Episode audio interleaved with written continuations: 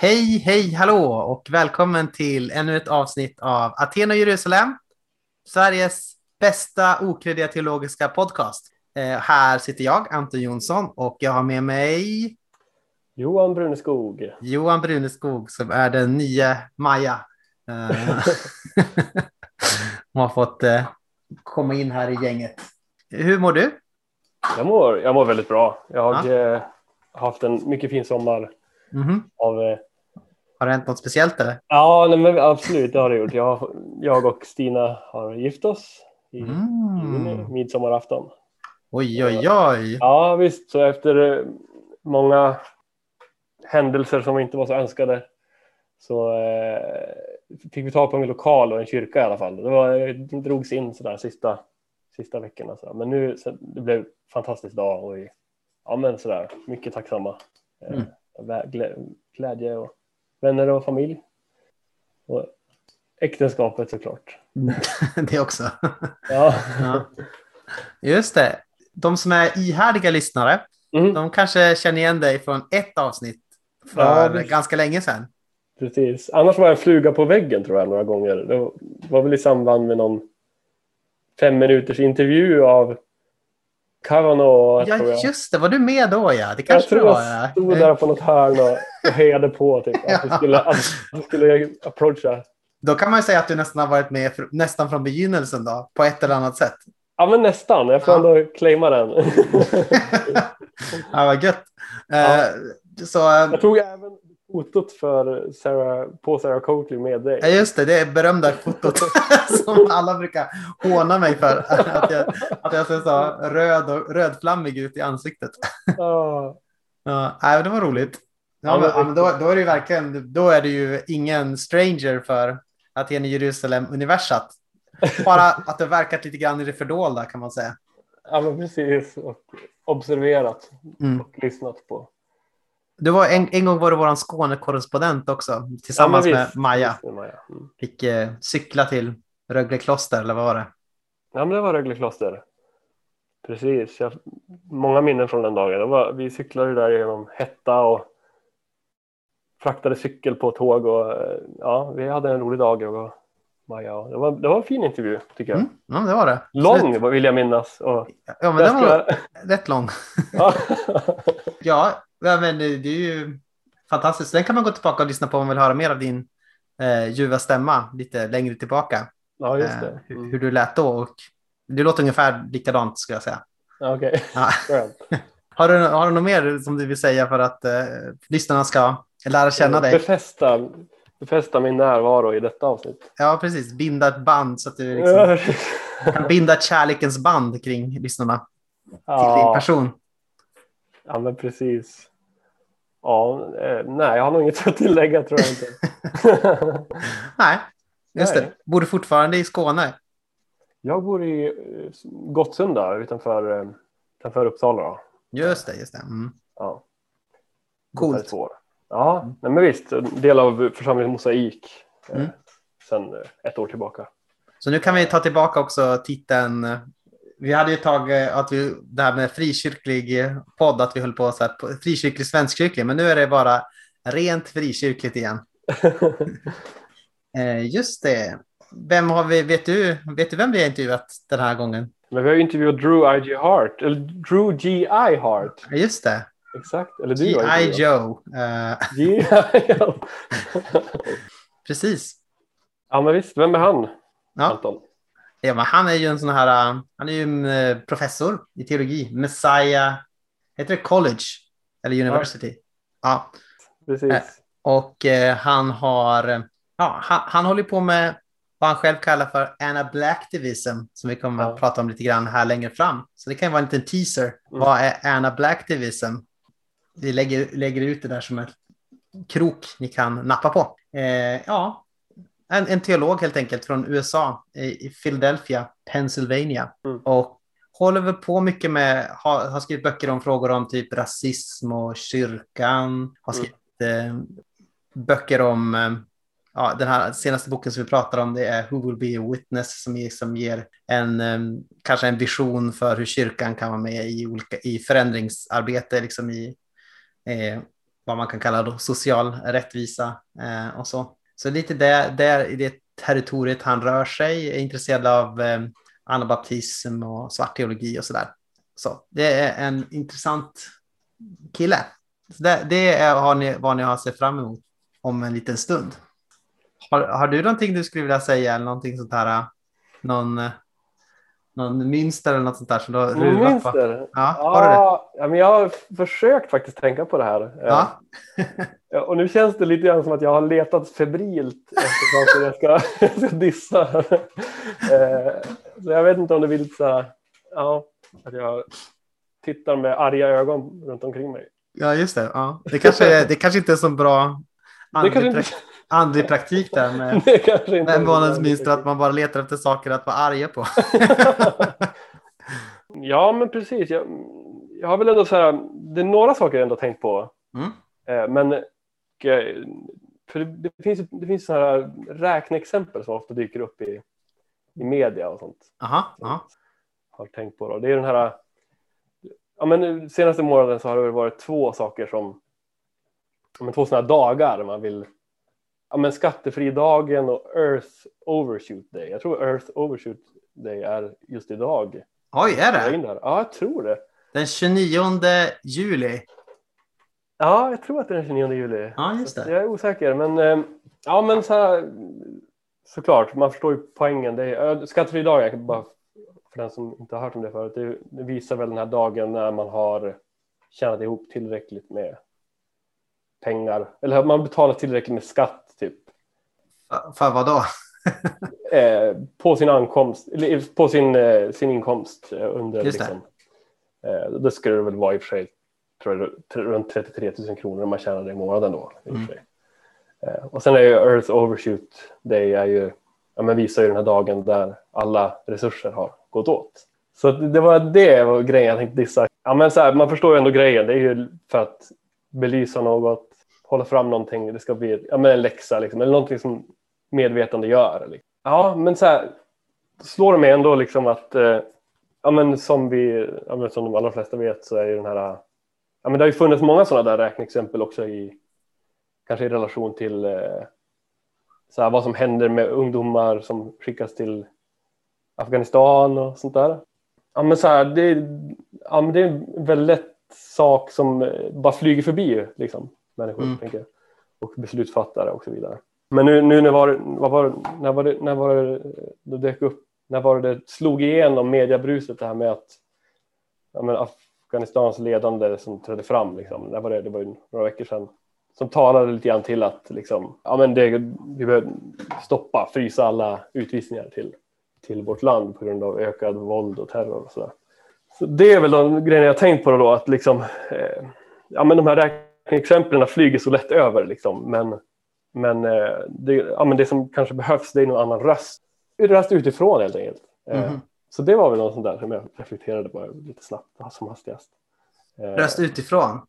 Ja, men jag tänkte det. Ja, Det är sällan man hör, hör deras, eller typ andra länders, ja, men jag tänker också i, i samband med det här besluten, Parisavtalet, ja, men så beslutade man ju att rika länder, eller de som har påverkat mest liksom, i klimat, eh, ska liksom betala de som är mest påverkade.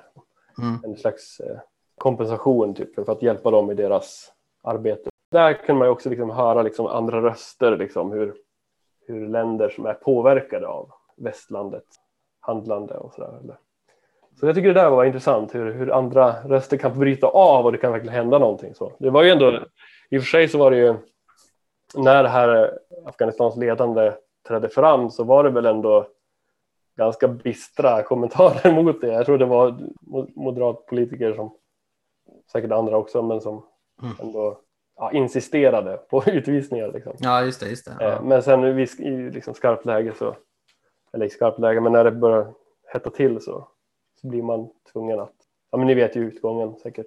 De frös ju alla, alla utvisningar för tillfället då. Så det Ja. är stor glädje egentligen, men något att bevaka också såklart. Ja, just det. Men det är precis. Det är lite det här med att eh, när man gör saker bara till så matematisk formel så är det inte någonting som folk bryr sig så mycket om. eller så där, utan det är bara, ja, men vad, vad, är det man behöver vara? Typ man behöver en berättelse då. att någon får liksom ge kropp åt problemet eller liksom. Men någonting som, som eh, ställer eh, någon inför ett vägval. Liksom. Mm. Eh, där en väg, eh, ja, men, att fatta ett beslut. Liksom, att... Ja, men det kan, eh, ja, men tror jag verkligen kan ligga någonting i det. Att de här pedagogiska räkneexemplen kanske inte Nej. når fram utan vi behöver ha vi behöver ha kött och blod. Och det är ju såklart. Det är, de konfronterar lite, oss. Det är, det är ju kanske lite orättvist då. Hacka ner på räkneexempel. Men, men, men ja, det är ändå. Därför är det viktigt att, att vi har tiggare utanför våra butiker och sådär. För att eh, om vi inte har det så det, det ger i alla fall en teoretisk möjlighet för att folk måste leva upp till det här eh, som de snackar om att vi måste hjälpa i hemländerna. Alltså vi ja. måste hjälpa vi måste se till att romer får en bättre situation i sina hemländer. Om vi har människor där i kött och blod som faktiskt påminner oss om mm. att det är svårt att mm. Eh, klara sig i typ Bulgarien eller Rumänien som rom. Och liksom att man är diskriminerad mot att man har liksom så här, man, man var ju typ förslavade fram till jättenyligen. att man behöver ha de här som en påminnelse så att det inte bara blir så här tomma mm. utfästelser mm. liksom, som folk säger att ah, vi ska hjälpa på plats eller något sånt där, utan vi måste ha de här människor som, som på något sätt knuffar oss i att faktiskt, om du säger att du bryr dig om dem då, då får du väl göra någonting då. Mm. Och om du inte vill göra någonting i hemland så kan du ge dem hundra spänn. Ja, precis. Ja. ja. Men har du, har du reflekterat över något Anton? Ja, jag hade någonting, jag hade här, tänkt ut någonting och sen så kände jag att jag typ tappade bort det för att jag fick så covid-vaccination nu igår. Så jag kände right. mig lite så här äh, seg i huvudet typ efter det. Jag hade någon tanke på dödshjälp tror jag. Oh. Månadens minsta. Kan, kan du inte nysta i det lite grann? Ja, men det var någonting så här med dödshjälp, alltså att eh, ja, men du vet att man gör döden mm. eh, till en produkt som man väljer. Mm. Och då tror man att man har gjort den ofarlig. Egentligen är det lite konstigt att, eh, det här kanske låter lite hårt, men att eh, folk inte bara tar livet av sig, utan att de måste ha, utan att de måste ha typ en liksom klinisk eh, sjukhusupplevelse för att lyckas, lyckas ta livet av sig. Alltså det, man har, folk har ju tappat lite grann av sin förmåga att ta saker i egna händer. Det måste alltid vara liksom, en betald professionell som sköter allting åt oss. Mm. Eh, till och med vårt eget döende. Liksom. Det finns ju någon som, Ivan, som heter Ivan Illich som har pratat om det att, vi, eh, att det sjukvården gör det är att vi eh, blir medikaliserade. Mm. Alltså att vi tänker på oss själva som en patient hela vägen från vi föds så är vi i ett sjukhus och sen så är nu också allt mer att eh, den bästa döden man kan tänka sig, det är att mm. dö på ett sjukhus, liksom, eller dö med på någon sorts klinik där det kanske är lite trevligt och det mm. kommer in någon i vit rock och säger några lugnande ord eh, och ger dig lite tabletter eller något sånt där. Då tänker man bara wow, vilken god och värdig död jag fått. Så här. Alltså det, det, tycker, det, det är på ett sätt, om man ser på det lite grann utifrån så är det lite konstigt att vi tänker mm. att, vi alltid måste ha någon sån här professionell serviceapparat som ska göra, som ska liksom paketera livet mm. för oss. Lite ja, grann så. Är, ja. mm. det, jag, jag, tänker lite grann att det är ett sätt att hantera dödsångest. Alltså att vi har gjort väldigt mycket i vårt samhälle till konsumtionsprodukter, alltså saker som vi köper och säljer. Och det här, nu har vi till och med gjort liksom det här ultimata, läskiga liksom slutstationen, det yttre mörkret, har vi gjort liksom till en vårdprodukt som man kan välja mm. och liksom konsumera i liksom en så här säker plastförpackad miljö, typ. Mm. Alltså att vi har tagit till och med det här, liksom det här yttersta som vi inte kan kontrollera och så har vi gjort det till en liten vårdprodukt som man kan säga ja eller som man kan säga nej till. Mm. Det tänker jag det är ett intressant sätt som att i en så här senkapitalistisk kultur som vi har valt att hantera vår dödsångest. Att vi har gjort till och med döden till någonting som vi konsumerar eller som en, mm. som en tjänst som vi införskaffar från eh, sjukvården. Så det är bara någonting så här att jag, jag tänkt på det att det finns någon så här over, det finns en så här överlappning här mellan typ en så här kapitalistisk eh, logik av att varufiera, eh, mm. commodify, commodifiera mm. saker mm. och eh, våran rädsla för, för döden. Det är någonting som jag har, eh, som jag tänkt ja. lite grann på. Alltså egentligen kan man tänka så här att jag tycker att eh, jag kan tänka att man kan respektera liksom en, for, en människas, om en människa hoppar ut genom ett fönster mm. så är det så det är liksom. Man kanske inte alltid måste hindra det till varje pris. Men jag tänker att det är en annan sak att liksom läkarvården ska liksom vara de som knuffar ut folk från fönstren. Liksom. Och att vi liksom tar bort på något sätt allvaret i mm. döden genom att vi bara gör det till en produkt bland andra. Liksom, man kan välja eller inte välja. Mm. Mm. Ja, det var mycket spännande. Vad säger du, ska vi dyka in i det här uh, fräscha, coola intervjun med Drew G.I. Hart? Låt oss. Låt oss göra det. Låt oss. Ja.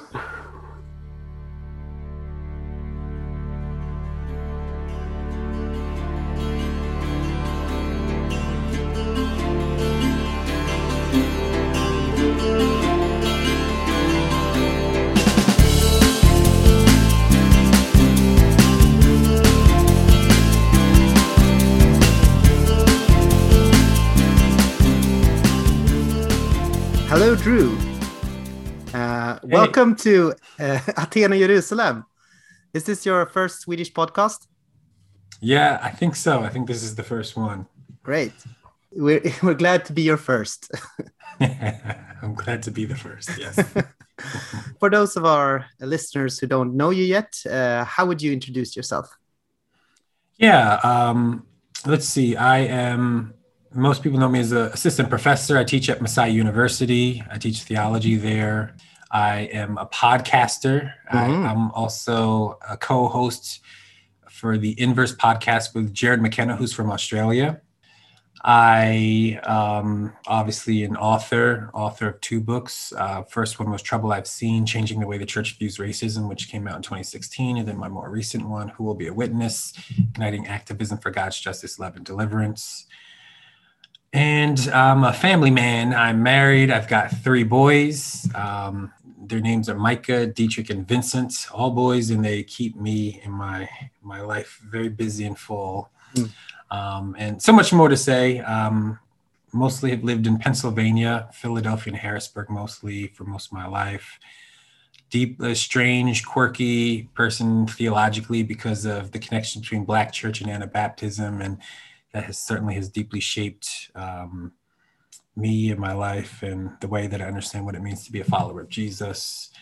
And yeah, so much more. But um, but I guess that's a good intro. Yeah, it's pretty good. Uh, so how's life in quarantine been treating you? I guess you are you yeah. out of quarantine now? Mostly, yeah, mostly. Um, so things are. I mean, in the United States, it varies where you are, what region you're in.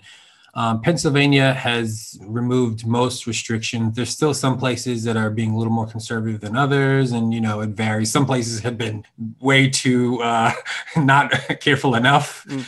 um, but for the most part, you know, there's a, a, large growing number of vaccinated people. I've been vaccinated, and and so yeah, mostly out of it, with some still some caution. Still, our church is meeting outdoors and things like that. So. Mm. Um, yeah, yeah, but um, it's it's been okay. It's been a, a very different experience for me. Teaching was complicated and, and challenging mm. during this time, and not being around people physically has been different. And doing so much, there's been some really cool stuff that has come out of it. Um, so many connections like this one with folks all around the globe, right? Mm. Um, just connecting, having conversations, meeting new people, and so um, that's actually been an added kind of surprise in the midst of a kind of a challenging time for many of us. Yeah. So your life has become more global in a sense, yet more restricted, perhaps. Yes, both of those, mm. more global and restricted at the same time. Yeah. Yep. So uh, you kind of touched upon it um, briefly, but uh, you, you described your theological profile with the word Anablacktivism. So, what does that mean specifically? Yeah, yeah. So it's a term to describe just the ways that um, I'm shaped by the Black church and Black theology, by Anabaptism and all multiple of the Anabaptist denominations, and as well as just commitments to activism and actually struggling for justice at the grassroots level in my own community. And so Anablacktivism throws all of that together Black theology, Anabaptism, activism into a fun little word to describe my quirkiness. Yeah. Did you coin it, the term? So someone actually coined it for me. Oh, so really? to be fair, I didn't actually create the term myself. Someone else said, "Hey, Drew, Anabaptism, Black theology, and activism, Anablacktivism," and then I've been running with it ever since. so, yeah, Yeah, that's a good, uh, good term. Really, uh, yeah, puts it all in there. Uh, so, so we're. I've been reading your book, uh, "Who Will Be Witness," your most recent book, and uh, I, I think one of the chapters that people keep um, like returning to is uh, the one where you're talking about uh, Barabbas, uh, yeah. the man. that's right, right? Uh, that's the one. yeah, that's the one. the man who was freed instead of Jesus in the Easter story. Uh, and um, so I guess you're well rehearsed with this. What are the political dimension that we tend to miss in this story, uh, and what does it have to do with us? Yeah, I mean, I I think the starting point is to think like, and I, I don't know in your context if it's as bad as in the US, right? but in my context, certainly Barabbas has been understood in such ways that he's construed as like, you know, in, stereotypical ways, crazed, a serial killer, murderer, just had, you know, there's images of, of Barabbas with like he's cockeyed and foaming at the mouth, and like in one movie he's like laughing uncontrollably, like something's just a little off with him, right? That that's how he's been depicted. That's Passion of the Um, Christ, I think. Yeah, Passion of the Christ, and so many. Yeah, it's it's so you have all these images that, in some ways, are trying to denigrate and dismiss his socio-political significance. Right? I mean, it kind of turns your attention away from what Scripture actually says about him. And then what's fascinating is that he does he shows up in every single one of the gospel accounts, every single one, right? I always joke, I say like we don't even get like a, a birth story from everybody, right? But we have Barabbas, he's so important that he, everyone's got to mention him right at the climax of the Jesus story.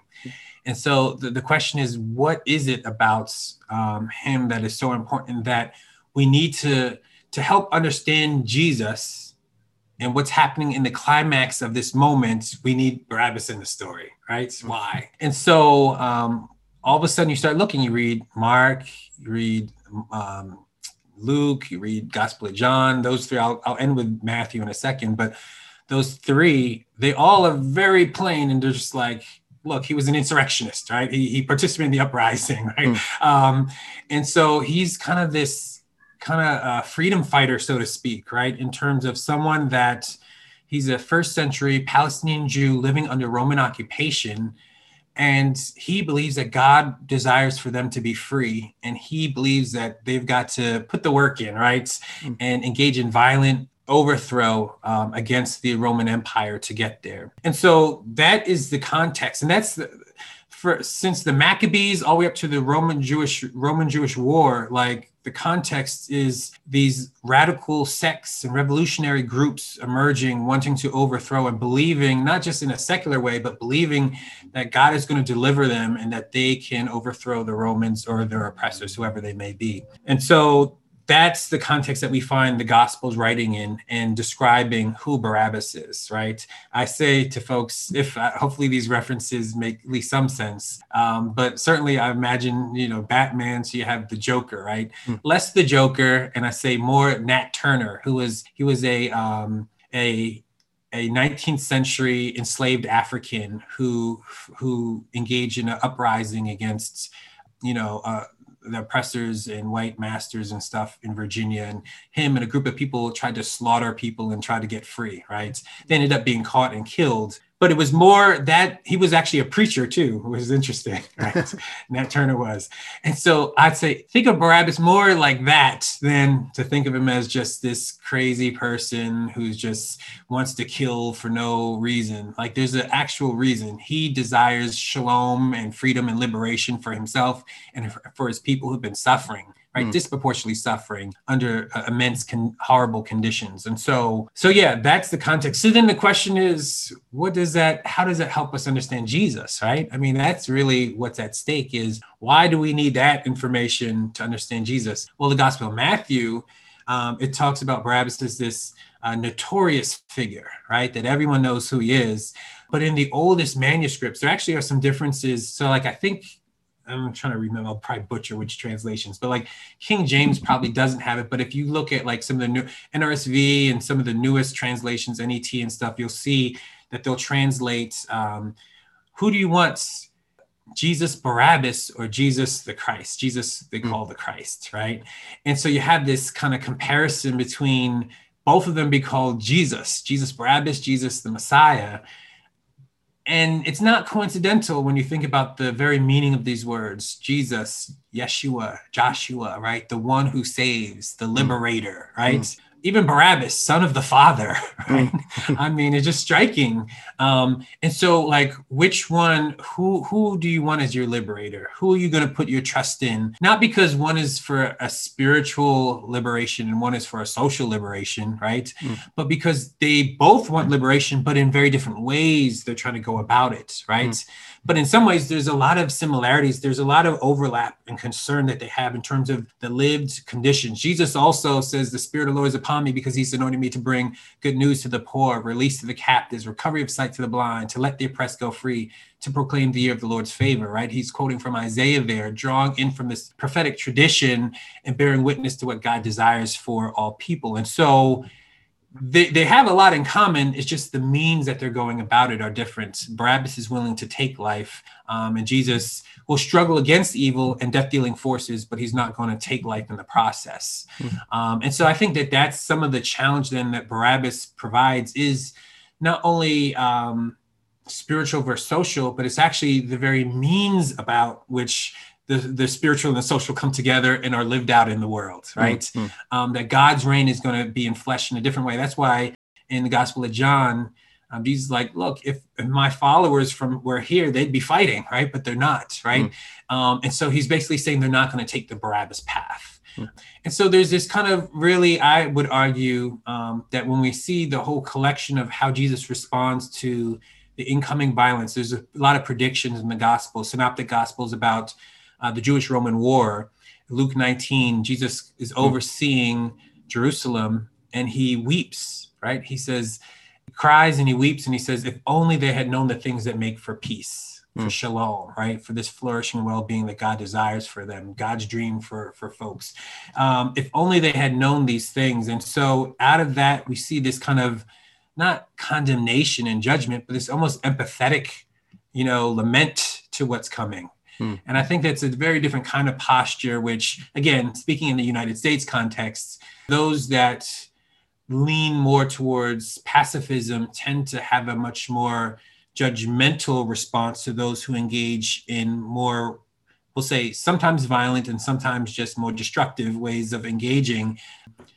But often will do so from the sidelines, not actually doing anything, right? Mm-hmm.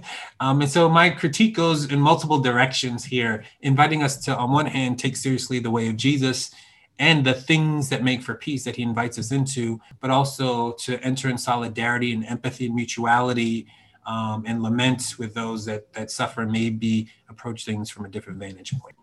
Yeah, because you kind of uh, present Barabbas as uh, as not just like this um, this person who is a despicable purveyor of violence, or so to speak, because you, you kind of present him as someone that Jesus has empathy uh, with, or um, yeah. Yeah, C- could you could you expand a little bit on on that? Yeah, I mean, I just I just think it's so easy for some folks to demonize folks that are not seeking liberation the way that they want it to. In the U.S., I mean, it's uh, so so many conversations have been going on around Black Lives Matter movements, and white Americans in particular are very harsh. Mm. Not all, but many white Americans are very harsh in terms of why they will or will not support Black Lives Matter. And some will say it's because they're too violent, right? Mm. Now, number one, it's just in some ways it's a myth, right? It's a rewriting of what's actually happening on the ground. Because mm. I think research was done is like 93% of all the Black Lives Matter movements that happens, there was not even any destruction of property or anything. They were extremely peaceful, right? The majority of them were. But the narrative, nonetheless, has been that they've been violent and they focus on times where there's been some property damage, um, even though that's been the minority. But, uh, and I would even argue, along with Dr. King, that property damage and taking life are two different things. Yeah, right? I would, I would agree totally. And, uh, and the way of Jesus I don't think exclude property dis- destruction. No, I don't think it does either. No. But in the U.S., it's hard for people because they take property rights. Like people value mm. property rights more than they value human life. Yeah, yeah. I think that's so, uh, that's uh, very true. And I'm just thinking in the Hebrew Bible, it's so that concept it seems so foreign, uh, so to, foreign. The, to the it's Hebrew. The opposite, right? Yeah, yeah. flipped it on its head, yeah. where life is so sacred, right? The the the shedding of blood. That's this it's not something to take lightly. Human life is valuable and worthy. Mm. And so we've lost sight of that, but property mm. in the US, I mean, everything revolves around that. Anyway, mm. so within that context, right, within that kind of logic and rationale, there's so much demonizing of people who are not engaging in the way that the majority dominant culture wants them to engage mm. in issues that are impacting them. Mm. And so it's demonizing and no empathy, no entering into the lived experiences of others, no trying to see things from a different vantage point, right? Mm. And I think that um, what we see here when we're thinking about Barabbas then and thinking about how Jesus responds to the kind of more violent revolutionary tradition that's going on at that time, yeah, it's inviting us to take a different kind of posture. Number one, one that's actually engaged in it's not a, a critique from the sidelines, but more importantly, it is a lament and it is empathetic. Um, and so Barabbas is not someone to just be demonized as, oh, he's a bad man. That's not the point of him showing up. Mm-hmm. Um, but it's really just to see that that that's those aren't the ways that are going to lead to ultimate shalom right mm-hmm. that god's got something deeper in, involved in terms of the ways that actually lead to the kind of restoration transfiguration of creation the the restoration reconciliation and healing of humanity right that it's going to take more than that and jesus models and embodies god's reign for us mm. Mm. And, and, i've been thinking about the um, the things that make for peace a little bit it seems to me that Christianity might have overthrown Rome, but it took 300 plus years. I mean, that's the, the accusations from some of the contemporaries of uh, Augustine that Christianity kind of demoral, demoralized uh, Rome and uh, and uh, yeah, led to its fall. And I've been thinking maybe maybe there's some truth to that to that accusation right, right, right. but uh, god works in painfully slow ways sometimes but sometimes the slow ways are actually much more so people want to talk about effectiveness right mm-hmm. and sometimes the slow ways are actually more effective in the long term mm. than the ways that we think we can control the moment mm. and often we don't actually have as much control as we think we do yeah, and, yeah things can cycle in a whole different way than we might have anticipated. It's yeah. really hard to kind of predict the future. right. Yeah. Right. We can't predict it, can't control it. Yeah. Uh, so you you say in your book that Constantinian Christianity, uh, Christendom, uh, morphed into Colum Colum Columbusian. I, I don't know. Yeah. It's not my mother. I, I made up words, so yeah. you're allowed to struggle over it. It's not a real word. Columbus Columbusian Christianity, perhaps. Uh, so um, Christianity became the identity of um, aggressive European nations, and thus became part and parcel of uh, white Europeans' domin- dominion over and enslavement of uh, Black and Native American people in the age of the conquistadors and beyond.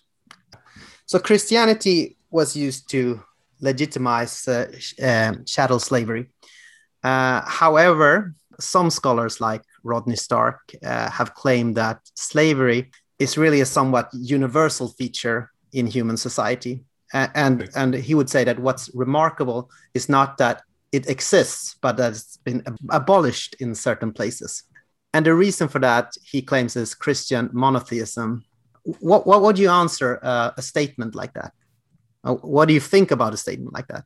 Yeah, so I would agree with him on that main point that uh, slavery itself is an ancient practice. It's a global thing. We can find it on all continents going back, you know, for millennia, right? Mm. So I don't believe that that the idea or the practice of slavery in and of itself was something that was created by Western Christianity. Absolutely not. Mm. Um, however, if we look very carefully, there are a few things that are defining about what what what emerges during the colonial period.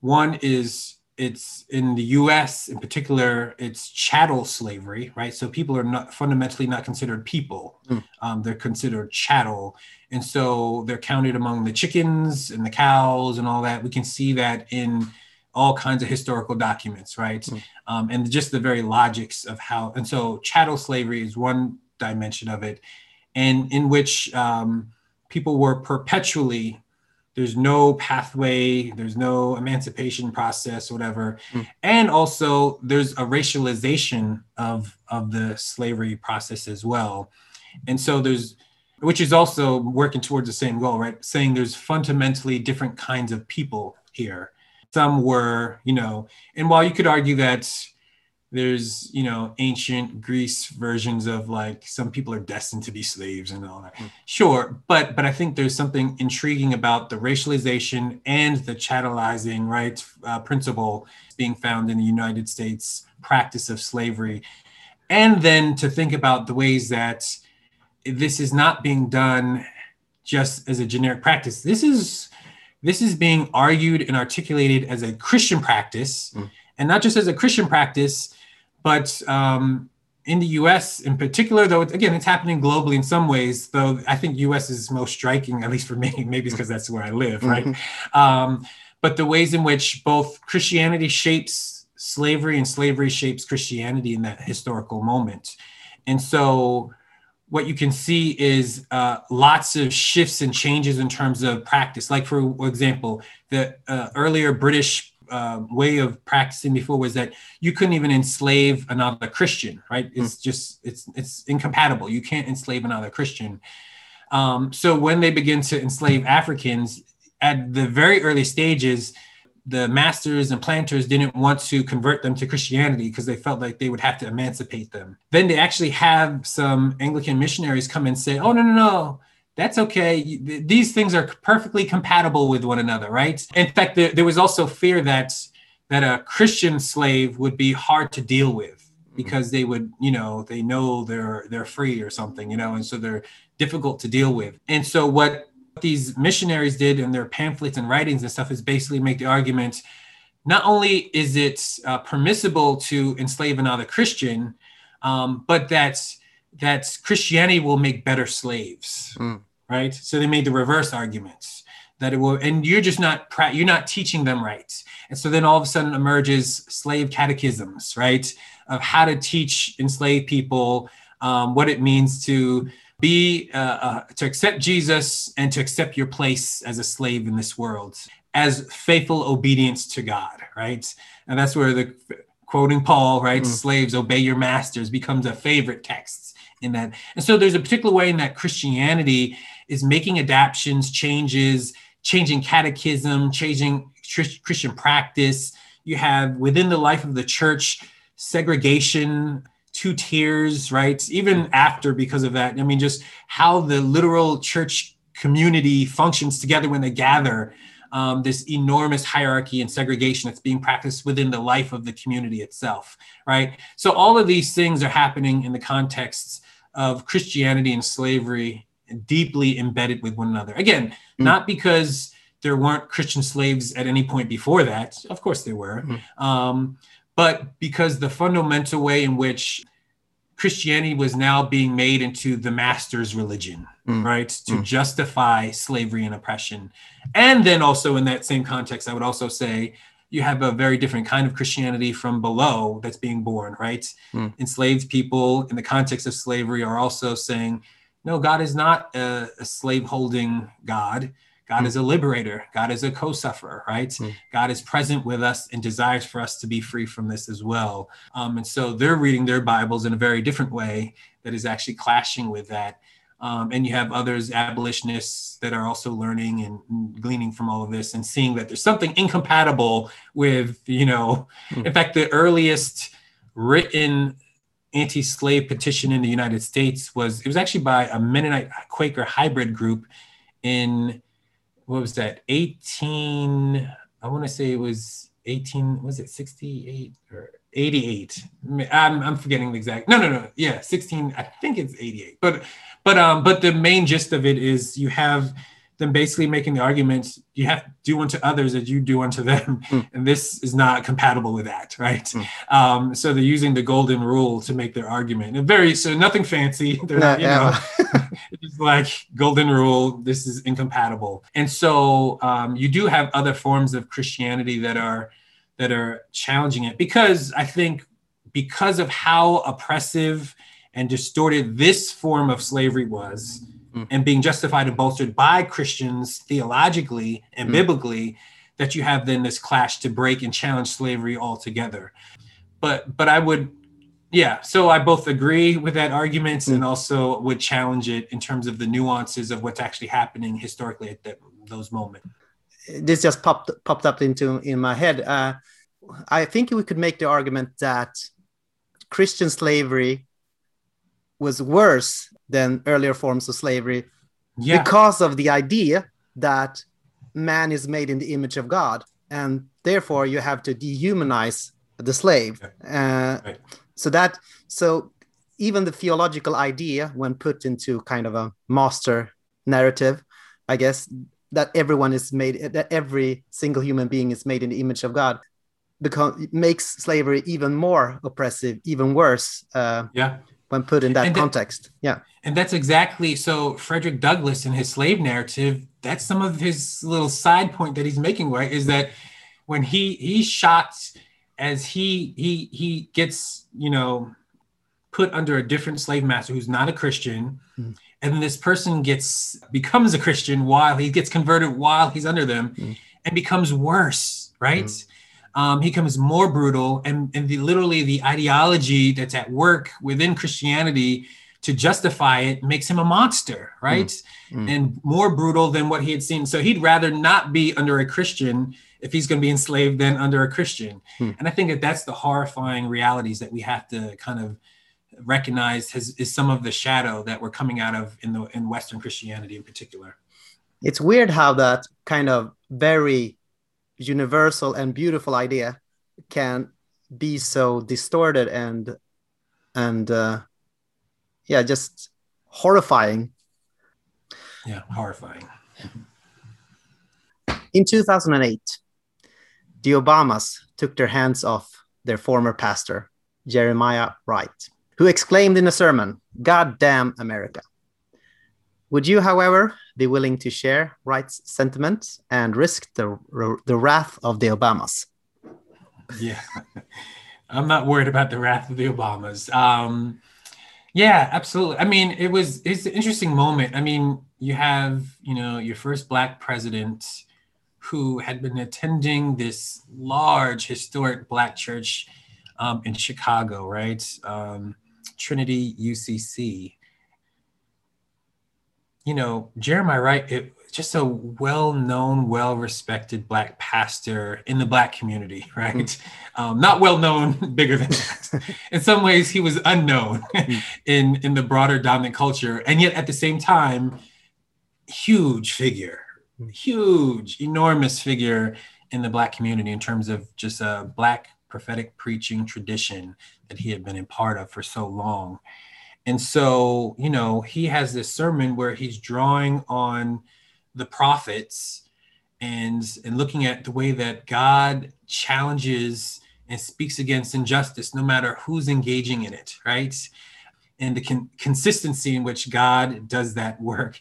Um, and he draws on both, I mean, he, he looks globally to first, right? Just all the different ways that so many different nations have engaged in injustice. But then he turns his attention to the United States, his own country, right? Mm. And the ways in which the United States has failed to live up to its calling.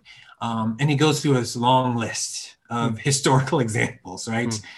As it relates to how they've mistreated Native American people. He names all the atrocities. In terms of Chinese Americans and you know the Exclusion Act, Japanese internment, and so forth. He goes on and just names, and then also then he names all the different ways that Black people, right, in terms of being enslaved and Jim Crow violence and all this violence up to the present day. And so for him, based on what he sees in in the in the prophets, it's not God doesn't bless uh, governments that that harm the most vulnerable, right?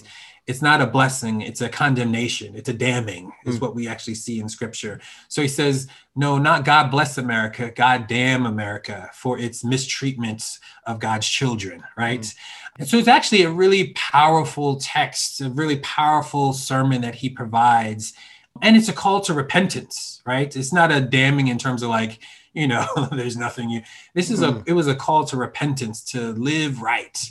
And so yeah um when obama that was years before right? So he doesn't preach this sermon when obama is president. He had preached it like years before in the news. They're you know digging for something because they just just you know something you know controversial is mm-hmm. what sells, right? And so they dig years and years back into all his old sermons and they find his, with the phrase "God damn America," and they're like, "That's the one. That's going to sell papers and that's going to yeah. sell." You just know, hit the mother load. yeah, they just hit the mother load, and so they take this little clip without showing the whole sermon or even a large portion of it, so it's out of context, and it's just like "God damn America," and you have you know, and so it's and so it makes him seem like he just hates America, and you know, and and so many of the white conservatives just went wild in particular over this. Hmm. And so rather than, even though Obama was there at this church for a long time, right, uh, was you know had his kids, he was married by them, baptized, everything. You know, I mean, it's so significant but yet he distanced himself in this moment.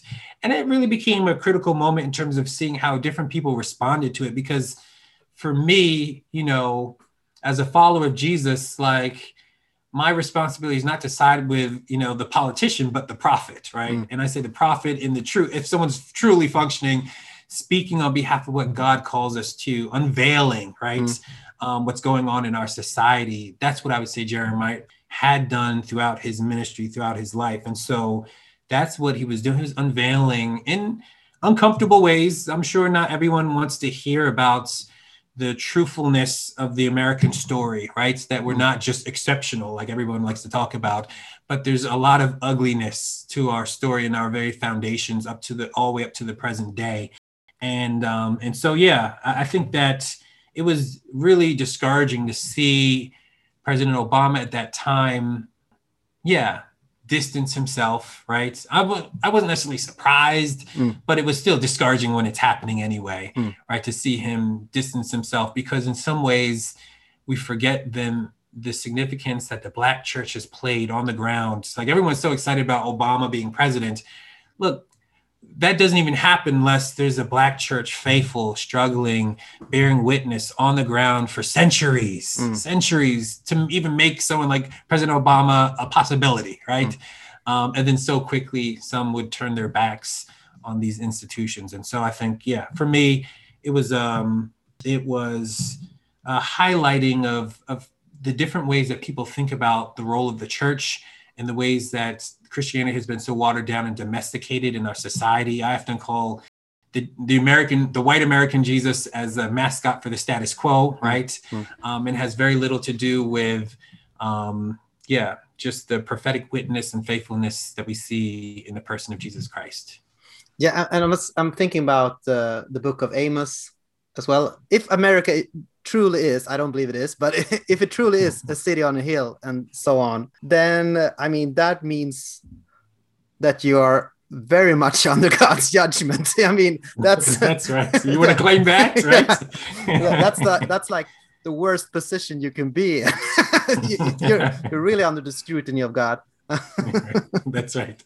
That's right. But but when so for in the US, I mean, people aren't really actually, most people aren't actually wrestling with scripture in that kind of deep way to think about its significance. They're just taking many ideas and then morphing it and conflating it with American exceptionalism and, you know, religious nationalism and all those things. And so, um, at that point, it's very easy to just have ideology, right, that mm. serves your own interests.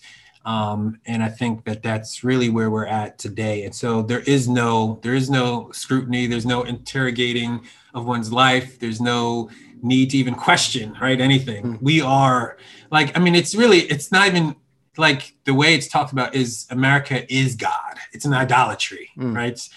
And cannot be God, and, and and the U.S. cannot be questioned mm. um, on anything, right? That's the posture that some people take, and it's really it's obviously dangerous for a whole variety of reasons. Yeah. So your book has quite a lengthy, lengthy chapter on ways for the churches to be involved in change and activism. Uh, mm-hmm. what what should be distinctive for Christian activism, or, or do you think that question is is even relevant yeah, no, it's it's extremely relevant. Again, and this is I, I use the same phrase that I used in the Barabbas, which was the things that make for peace, right? I think I used as a subtitle for that one. I mm. wanted there to hopefully be some connection for folks. Mm. That these two things are speaking with one another. Mm. The the live option that we take when we say not Jesus Barabbas, but Jesus the Christ, and this idea of the things that make for peace. Um, what is that? What can that look like? um, not in a way that is trying to say, oh, scripture's arguing for organizing theory and movement theory. Not that, right? Mm. But to say that within our context, these are some of the social change avenues that are available to us that I believe are are aligned with and can remain faithful to the way of Jesus as we practice them, right? They don't de- demand us to depart from the way of Jesus to engage in these practices. Um, and in that sense, they're very conducive, I think, mm. um, for the church to consider. And so, yeah, I think that nonviolent resistance, right? In many ways, I would say that that maybe not a perfect one to one, but a very close correlation between what we see happening in the person and life of Jesus Christ, um, I would call nonviolent resistance. And so, um, just as a broad principle um, and framing and, and kind of outlook, that all that we do is going to be in that mode. But then, then more specifically, then thinking about some of the social change strategies of organizing on the ground, right? Working with neighbors to kind of address the issues so that it's dealing with power, but not top down coercive power. Mm. It's power from below, right? Mm. it's dispersed power and inviting us to kind of seek ongoing change from the bottom up, as well as then movements, right? What are these moments where, you know, changes in the air. People are ready for it. Um, how do we join in and participate in mass movements that are happening all around us? And so, uh some of my hope was that I could blend kind of this line between faithfulness and effectiveness, right? Mm-hmm. Um, and so, I even talk about some of the, you know, global stats around the effectiveness and growing effectiveness around nonviolence that people talk about and things like that. That I think just change the narrative a little bit about, certainly in my context, how people associate nonviolence as no longer it doesn't work anymore right that was for mm. the 50s and 60s mm. that's not for today anymore um, and i think that that is a misunderstanding usually what they mean is let's not just have a rally on Saturday afternoon and then go back to our homes and expect anything to change, right? And what I say is, yeah, that's not going to work. But we need to be creative and sustained in our work and imaginative and strategic and be in it for the long haul. And that there can be some really powerful stuff that we can learn from folks all around the world in terms of things that have been happening, right? Both under dictators mm. and, you know, more democratic nations that, that we can draw from in terms of strategies for social change that again are faithful and don't demand us to depart from the way of Jesus when we're doing that work. Yeah. Yeah. French uh, sociologist uh, Jacques Ellul claims that Christians tend to be keen to absorb propaganda and just mm-hmm. kind of jump headlong into any cause uh, which get a lot of attention. You know, who's got the strongest propaganda machine running and right. and that's the kind of the the the this cost that Christians tend to default for. So the, the problem with that is that we tend to not hear the voices of the uninteresting poor. Perhaps what's going on in China with the uh, Muslim community. So how can Christians discern which struggles to be part of and not just act as kind of a Johnny come lately uh, to the most popular cause at the moment? Yeah, no, this is really a great question. And I think so. One of the things I've often said here is so in the US, those who identify as progressive are usually very confident about everything that they do. I think I say one of the reasons why I don't use the word progressive is because I don't want to participate in that overconfidence and that there needs to be some uh, epistemological humility, right? Our humility in our ways of knowing and questioning and not assuming that my view of things is 100% the same as God's, right? Mm-hmm. like, how do I um, uh, tone it back a little bit and recognize my own finiteness, my limitedness, and at the same time do that in such ways that doesn't absolve me from the risk of having convictions and stepping forward boldly at times, right? In the midst. So how how how how does that work? Um, and I think that number one, I mean, and this is maybe it probably feels like a too easy of an answer, so I, I can say more, but but I do believe that that Jesus is the clearest revelation of God, right? Mm. And so for me, how do I continue to immerse myself in the birth, life, teachings, death, and resurrection of Jesus Christ is, is the ongoing thing that I believe I need to be doing to continue to form how I see and hear and move in the world, that I need to be doing that. Because I believe that then as I do that, I don't know how I can do that and not also then be remain not only attentive to God, but attentive to those who are on the margins, edges, and cracks of society, uh, those who are the least last and lost, right? To the to the poor, the vulnerable women, the Samaritans, right? Those who've been stigmatized in my society, right? That, that there's that is going to shape who I am and how I move in the society, and that um, when I do that, I will receive uh, people's stories as sacred in such ways that I hold them tenderly and allow it to change who I am, right? And so it's not this posture of I had the vantage point to see all and know all, and I can give the final say on anything. But in humility, on the ground with actual people, um, attentive to those who disproportionately suffer in society, in proximity, actually receiving their stories, mm-hmm. right? Not only from, you can start from a book, but then you need to in, enter into community with people, right? Mm-hmm. Um, and then out of that, then um, where we can discern and see and move and act um, and speak up and challenge um, in ways that are necessary at that point. But I think we can't ever believe that we like we must believe that we always see dimly and also that in that dimness, God has revealed God's self, has self disclosed Jesus Christ to us. And that's enough for us on the ground to move and to live faithfully. Yeah. So, how would you say that proximity and kind of global injustices correspond to each other? I mean, uh, yeah. Yeah. I, I, believe it's pretty.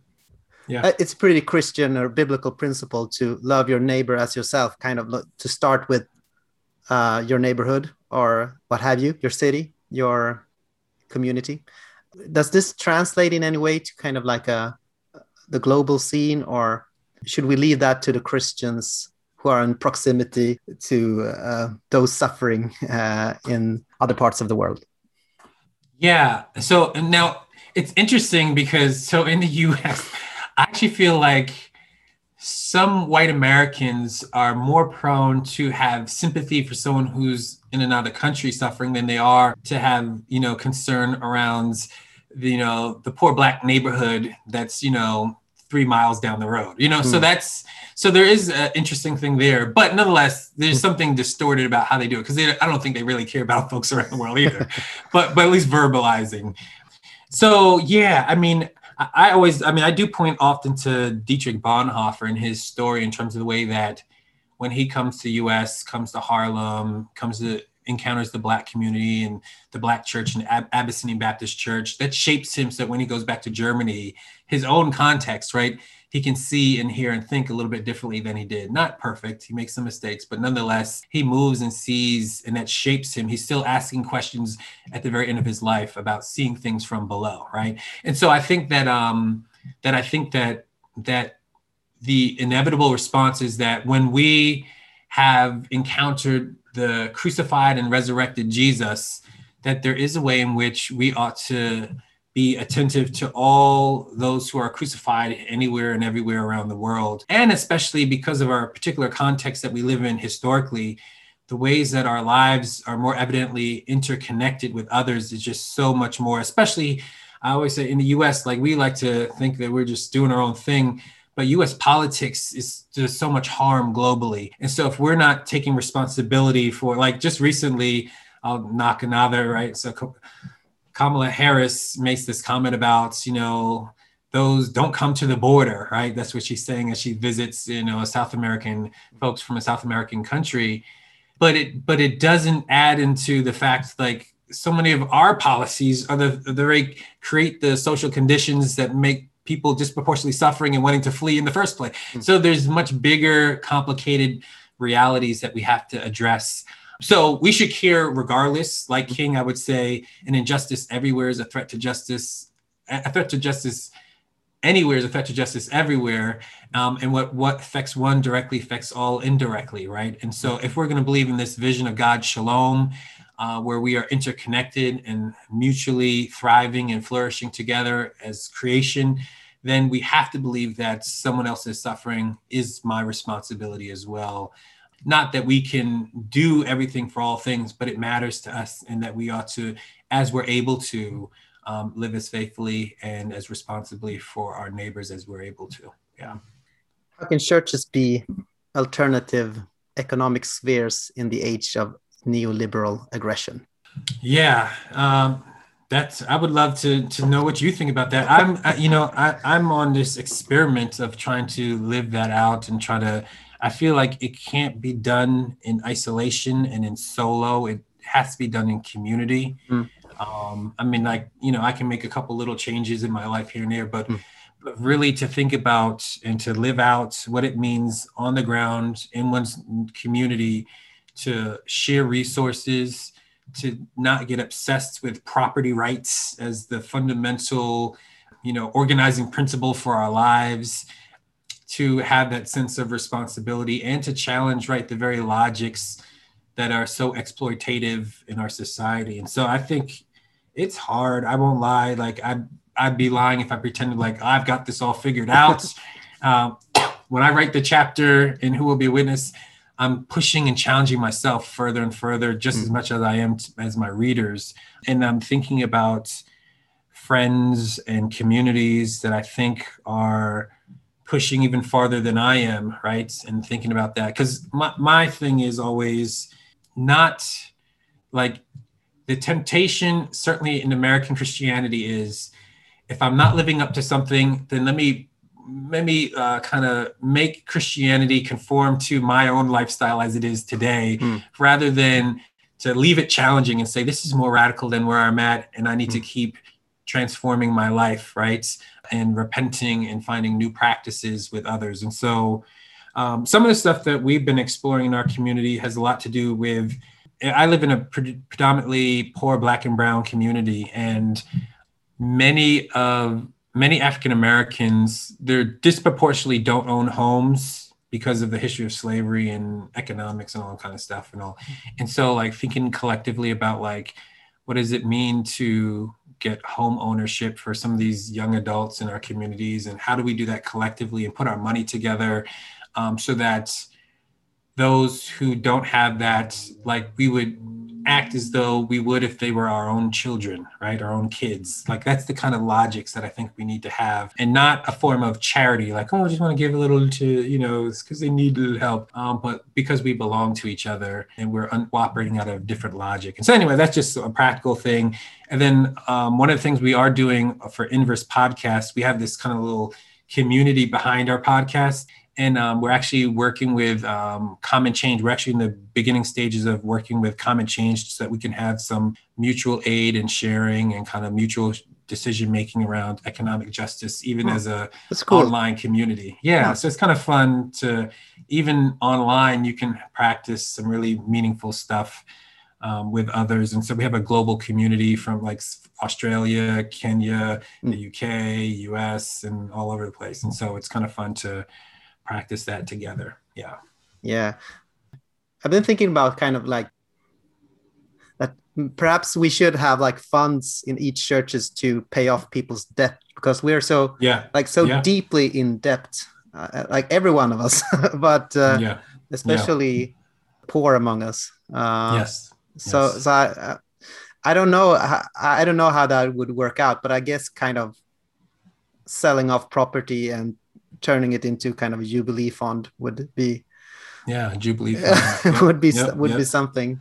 Uh, And the other thing I'm very passionate about, certainly this is a very, although it's not just US, but certainly in the US, um, a lot of conversations around reparations as well um, Mm. for African American communities. How do we make economic repair Mm. for some of the ongoing historic harm that's been done, especially those.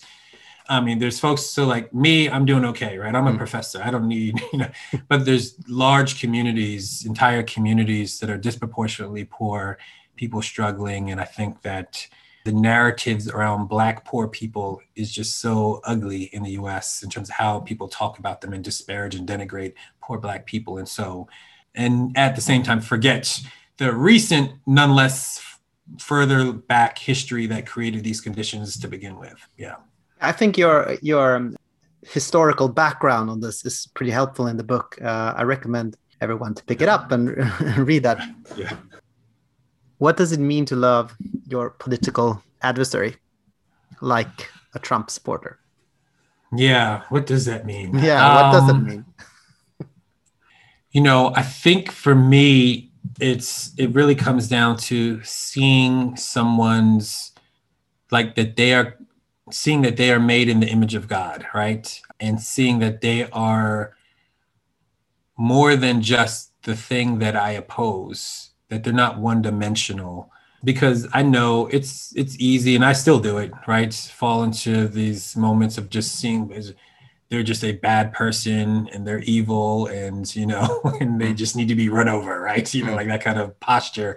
And and then you remember no these are people loved by god. These are folks made in the image of god. Their lives have value and god cares for them um, deeply. And and there's some hardening of my heart that needs to soften for even those folks. Not in the way that means that i don't confront them that I don't challenge them, that I don't speak up and stand consistently with those who are most vulnerable. I think that's our commitment to do that, but in such ways that also can see um, their humanity. And I think that King was right when he said, you know, he talked about how powerful love was and that it was the most powerful weapon available to the oppressed, right? Powerful enough to convert an enemy into a friend, right? And I think that um, when we remember that, it can be a powerful, not a domesticated love, not sentimentality, but an actual force, so to speak, right? Mm. But but yeah, it, it does require that we see people's humanity, but yeah, not sentimentality, actual transformative action in, the world as well. So we have two questions that we ask uh, everyone who joins us for this podcast, and uh, those are uh, who is Jesus and who should we interview for this podcast. So now you got your official heads up. Uh, so now you can. So now I'll ask the first one. Who is Yeah. Jesus? Who is Jesus Christ? Yeah. Well, uh, so I guess I won't just pick up the Gospel of Luke and start reading, but um, that would be the easy way out, right? Yeah, I mean, there's so many different ways. You know, I I think growing up, be, I grew up in a Christian family that you know went to church every Sunday, and so like Jesus could have just been like you know my uncle or something. He was just the name that was just around always, right?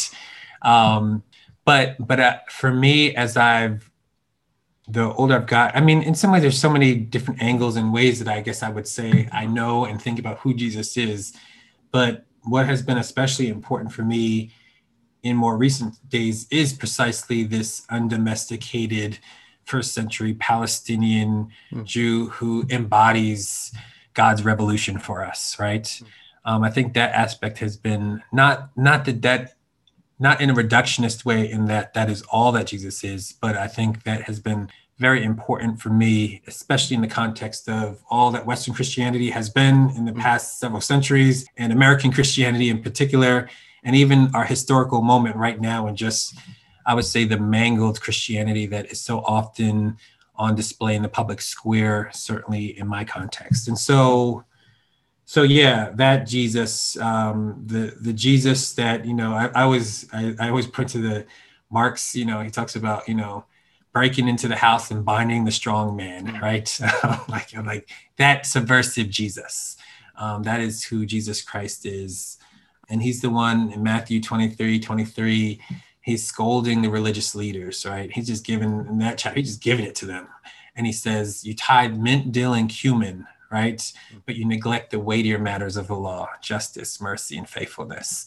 Um, and so this prophetic witness there um, that calls us to not major in the minors and minor in the majors, but to understand how important justice and faithfulness and God's love is, um, and how we need to practice that and live that out in our lives. But as much as I would say all of that, I would also again say, which I've said already, you know that that Jesus is it's God in Jesus Christ um, mm-hmm. that He um, reveals to us God, mm-hmm.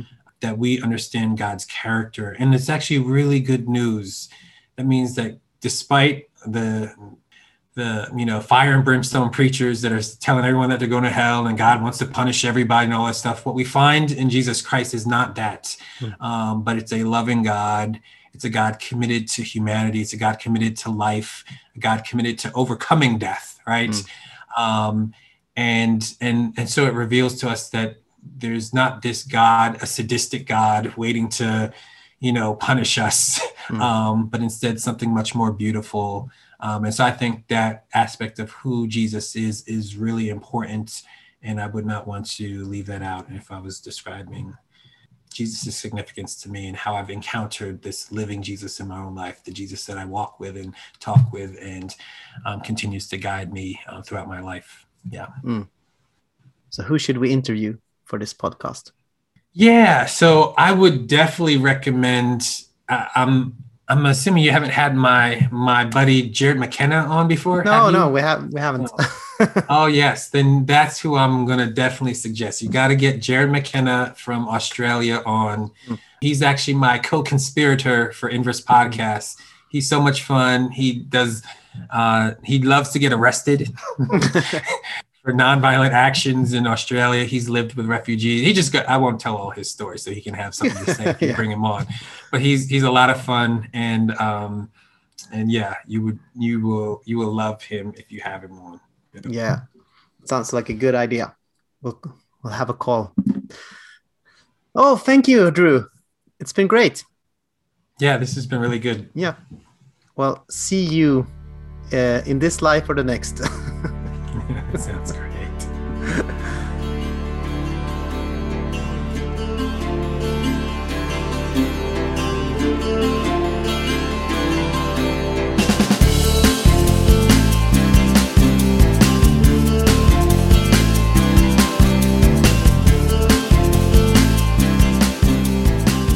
Välkomna till eftersnacket, mina damer och herrar. Vad kul att eh, ni har hängt med hit.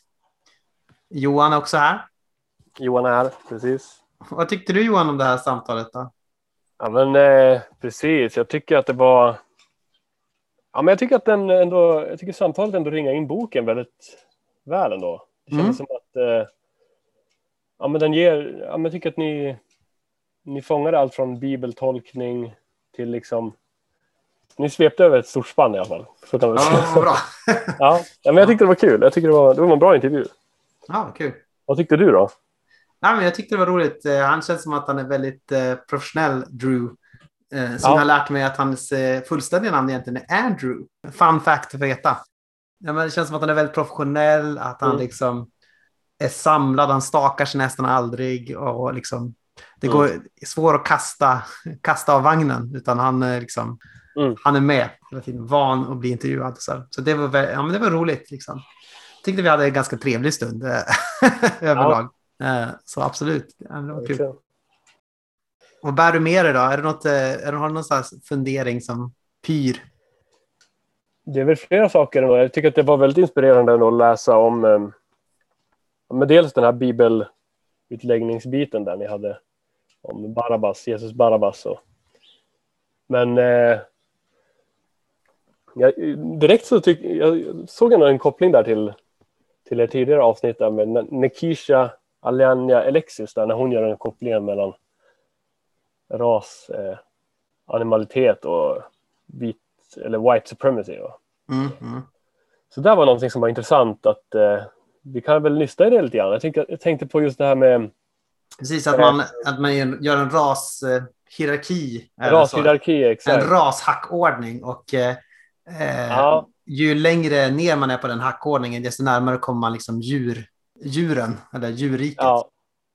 Och, ja, men precis. Det är väl ändå Ockham som introducerar den här. Man, han får mycket, kanske får mycket skit, men han är, är väl ändå en, en av de första liksom, som ändå slår fast någon slags...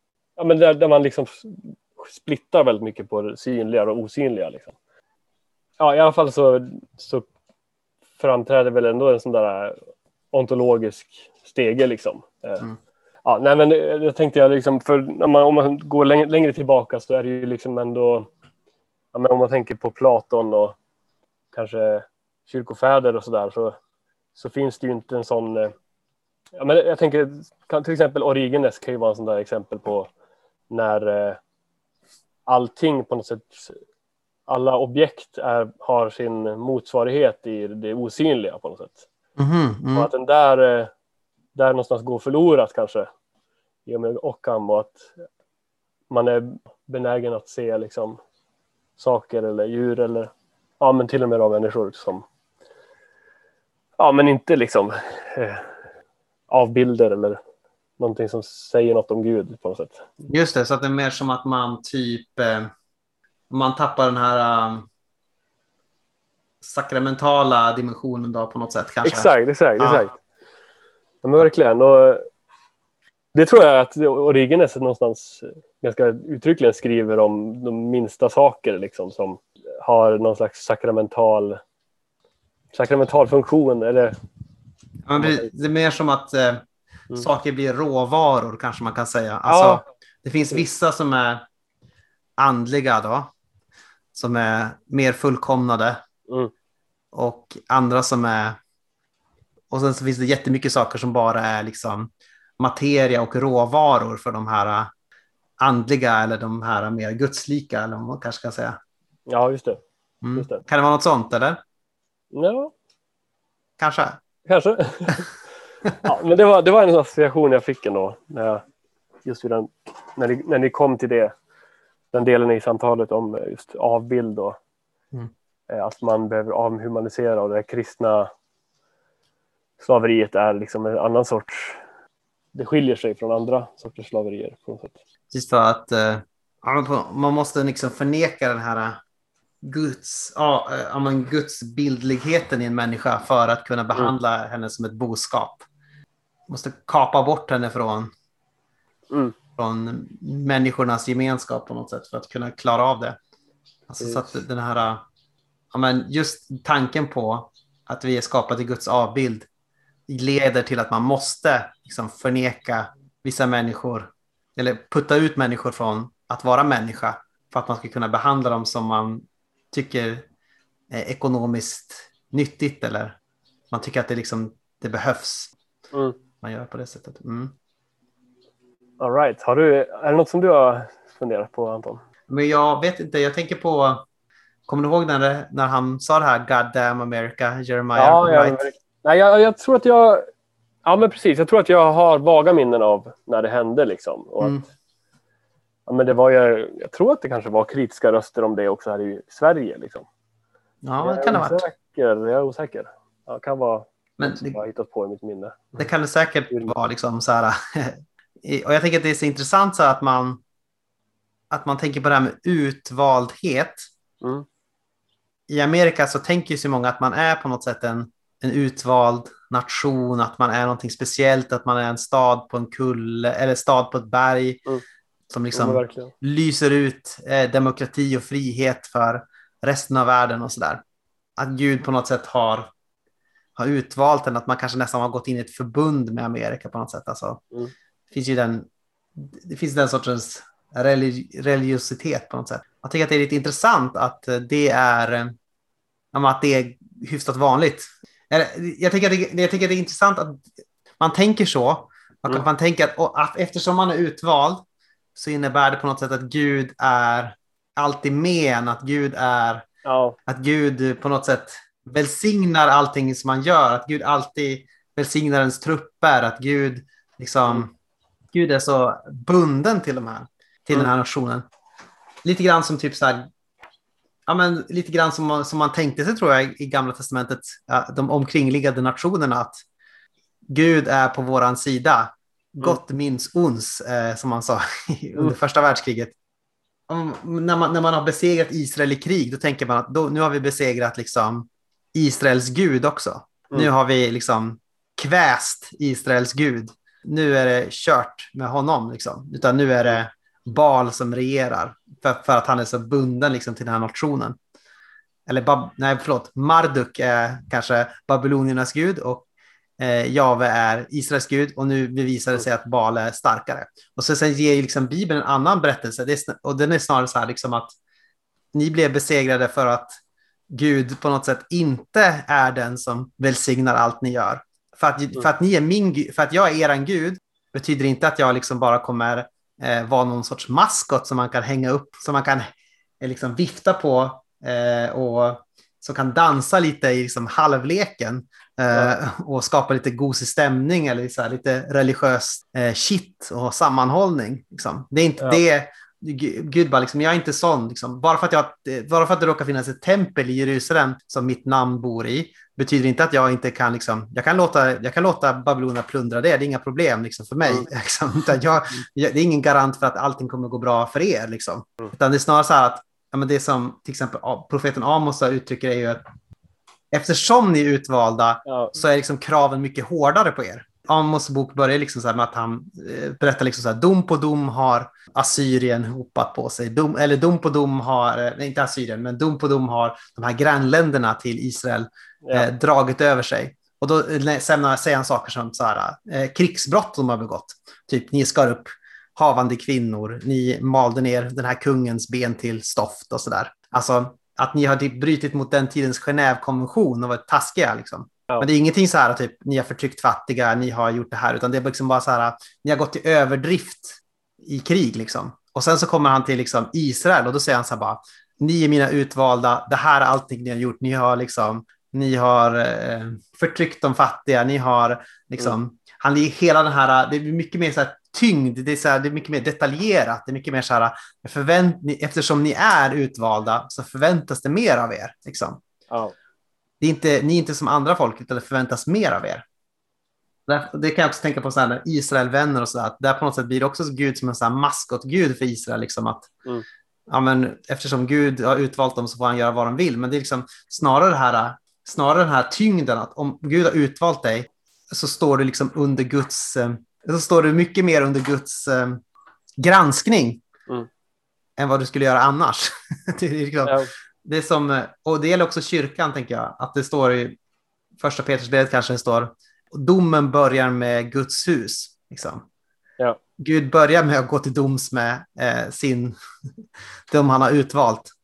Och Ja. sen så har vi också i Hebreerbrevet där det står liksom, det är fruktansvärt att falla i den levande Gudens händer. Liksom, att, eh, det är på något sätt, det är inte ett free pass att liksom, göra vad man vill att bli utvald, utan det innebär att man blir anfäktad, att man, att man brottas med Gud, att man kämpar med Gud, att man blir Israel, liksom, den som kämpar med Gud.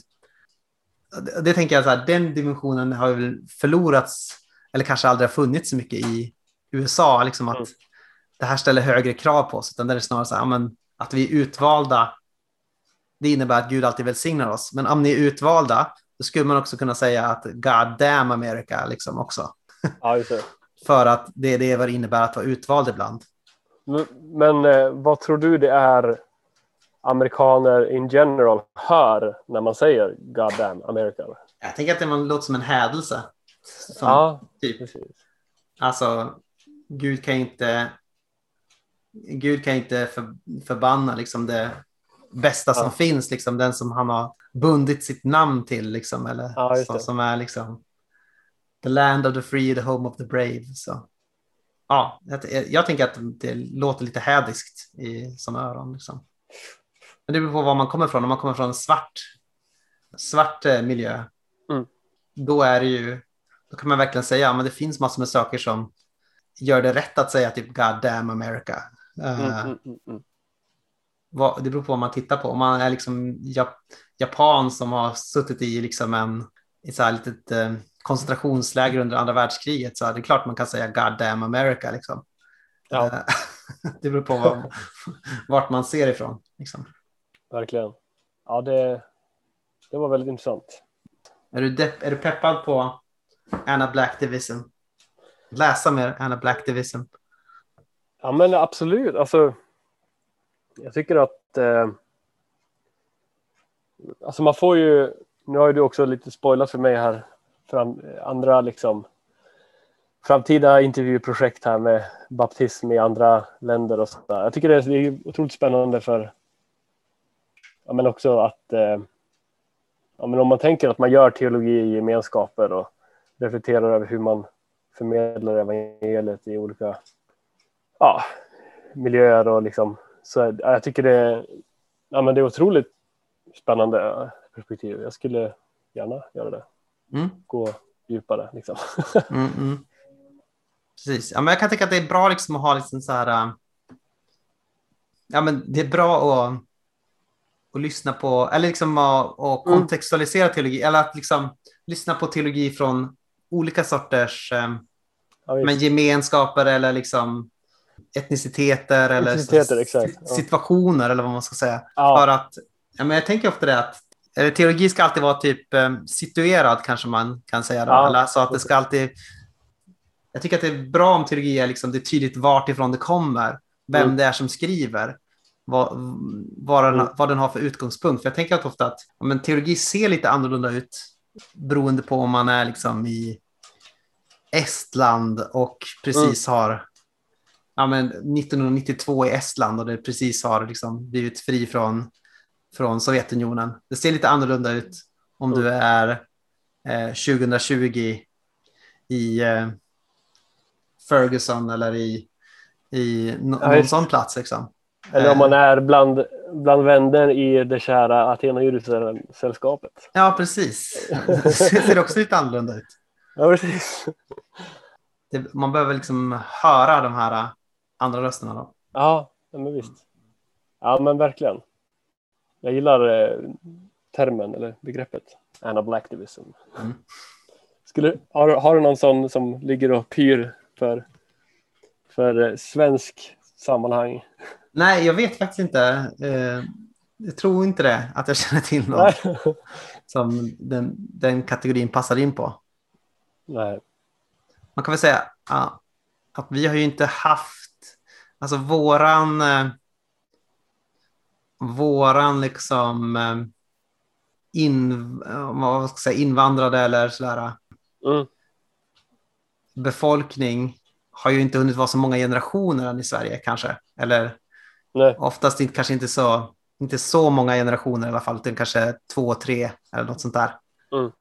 Så jag tänker att kanske snar, om, några, om några år eller om några årtionden så kanske vi får en mer så här tydlig, inte vet jag, svensk, assyrisk eh, teologi eller svensk, Ja. som, svensk somalisk teologi och sådär. Skulle jag gissa. Precis, just det. Men inte för, det betyder inte att man inte ska lyssna nu heller, men liksom, jag tänker att det kanske dyker upp lite mera när det Mm. har gått lite fler, någon, någon, någon mer generation. Typ. Att man mer så aktivt reflekterar över sitt arv liksom, och att ha utifrån en svensk eh, sammanhang. Liksom. Mm. Tipsa om det har någon annan, någon bra person. Ja, just det.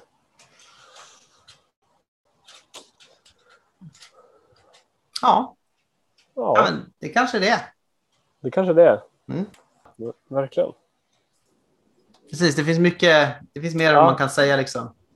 Ja, Jag tycker just att den här utläggningen av Barabbas är väldigt eh, intressant och Ja, liksom, eh, ja, något som man Precis. kanske inte riktigt har med sig från söndagsskolan. Så. exakt, exakt. Men på något sätt att Jesus, ja, men Jesus är ju en alternativ väg då, från Mm. Jesus Barabbas. Som att det är, man kan välja liksom upploppets väg eller Jesu väg. De som dömer Jesus eller det folket som liksom hetsas där, de säger väl kanske att ja, men vi väljer Barabbas väg.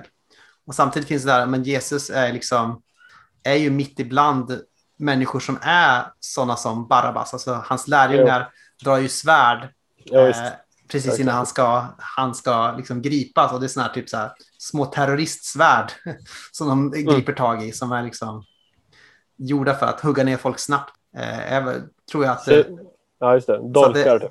Ja, precis. Att det är liksom, Jesus är inte liksom så här, äh, är inte främmande eller liksom så här, äh, helt särkopplad från de här människorna, utan Mm. de finns ändå mitt ibland eh, i hans lärjungakrets också. Så. Verkligen, men det är då så intressant hur... eh, För det är ju ändå... Alltså om man tänker på alla anklagelser som, som eh, ja, ställs mot Jesus liksom. Mm. Så är det ju... Ja, men man kan väl ändå säga att det finns... Att man an- antagligen särskiljer Jesus från att anklaga honom för att vara liksom en upprorsman Mm. helt och hållet. Men samtidigt så gör man nog ändå det. Alltså, Ja, Man säger att du, om du inte dömer honom så är, han gör anspråk på liksom kungamakten och om du inte dömer honom så är du inte kejsarens vän och sådär. ja, precis. har ju den. Sen tänker jag att man ofta i svensk kontext liksom gör det här misstaget. Man tänker att ja, Jesus blir bara anklagad av, av den religiösa eliten. Liksom. Det är de som Ja. dömer honom så här. Då får man tänka på att översteprästerna är ju en politisk elit också. Alltså man gör ju inte den särskillnaden Nej, i, i antikens värld mellan liksom så här, och det här, de här håller på med religion och de här håller på med politik. Ja, Och aldrig mötas de två, utan det är liksom väldigt så här äh, sammanflätat och sådär. De här är ju liksom kollaboratörer, översteprästerna, med, med Ja. Rom. Liksom. Jo. Det står ju för den mest romvänliga teologin eller politiska teologin. Så, så jag tänker Ja. att man ofta missar så här att man gör liksom en liten... Man bara, ja, han dömdes av de religiösa eliten. Ja. Och, eh, de politiska frågorna är därför ointressanta. Liksom. Mm. Ja. Så jag tänker, ja, det kan vara värt att ha med sig. Vad tänkte jag på? Jo, man kan ju eh, göra sådana saker som att eh, prenumerera på den här podden. kan man göra. Vad kan man mer göra? Man kan eh, Understödja. gilla oss, understödja på patreon.com. Släpper vi lite Precis. extra material ibland och sånt där. Och sådana grejer, goda grejer. Precis. T-shirtar, kepsar. eh, ibland, vi har t-shirt i alla fall. Eh, vi ska inte, lova inte en keps. Eh, Du får att göra annars. Liksom. Ja, precis. Och eh, precis, varför, vi- man kan gilla man kan följa på Twitter, följa på Facebook, göra sådana saker. Mm. Kanske skriva ett brev, ett mejl. Mm. Ja. Komma med tips på gäster kan ni göra. Ni kan göra vad ni, ni kan göra precis vad ni vill när ni hör av er till oss. Wow. Förutom att skriva hot, eh, hotmail. Då. Ja, det, det kan vi undvika. Precis. Hotmail. Hotmail.com. Det var väl det. Vi ses eh, nästa månad hoppas vi. Frid, frid.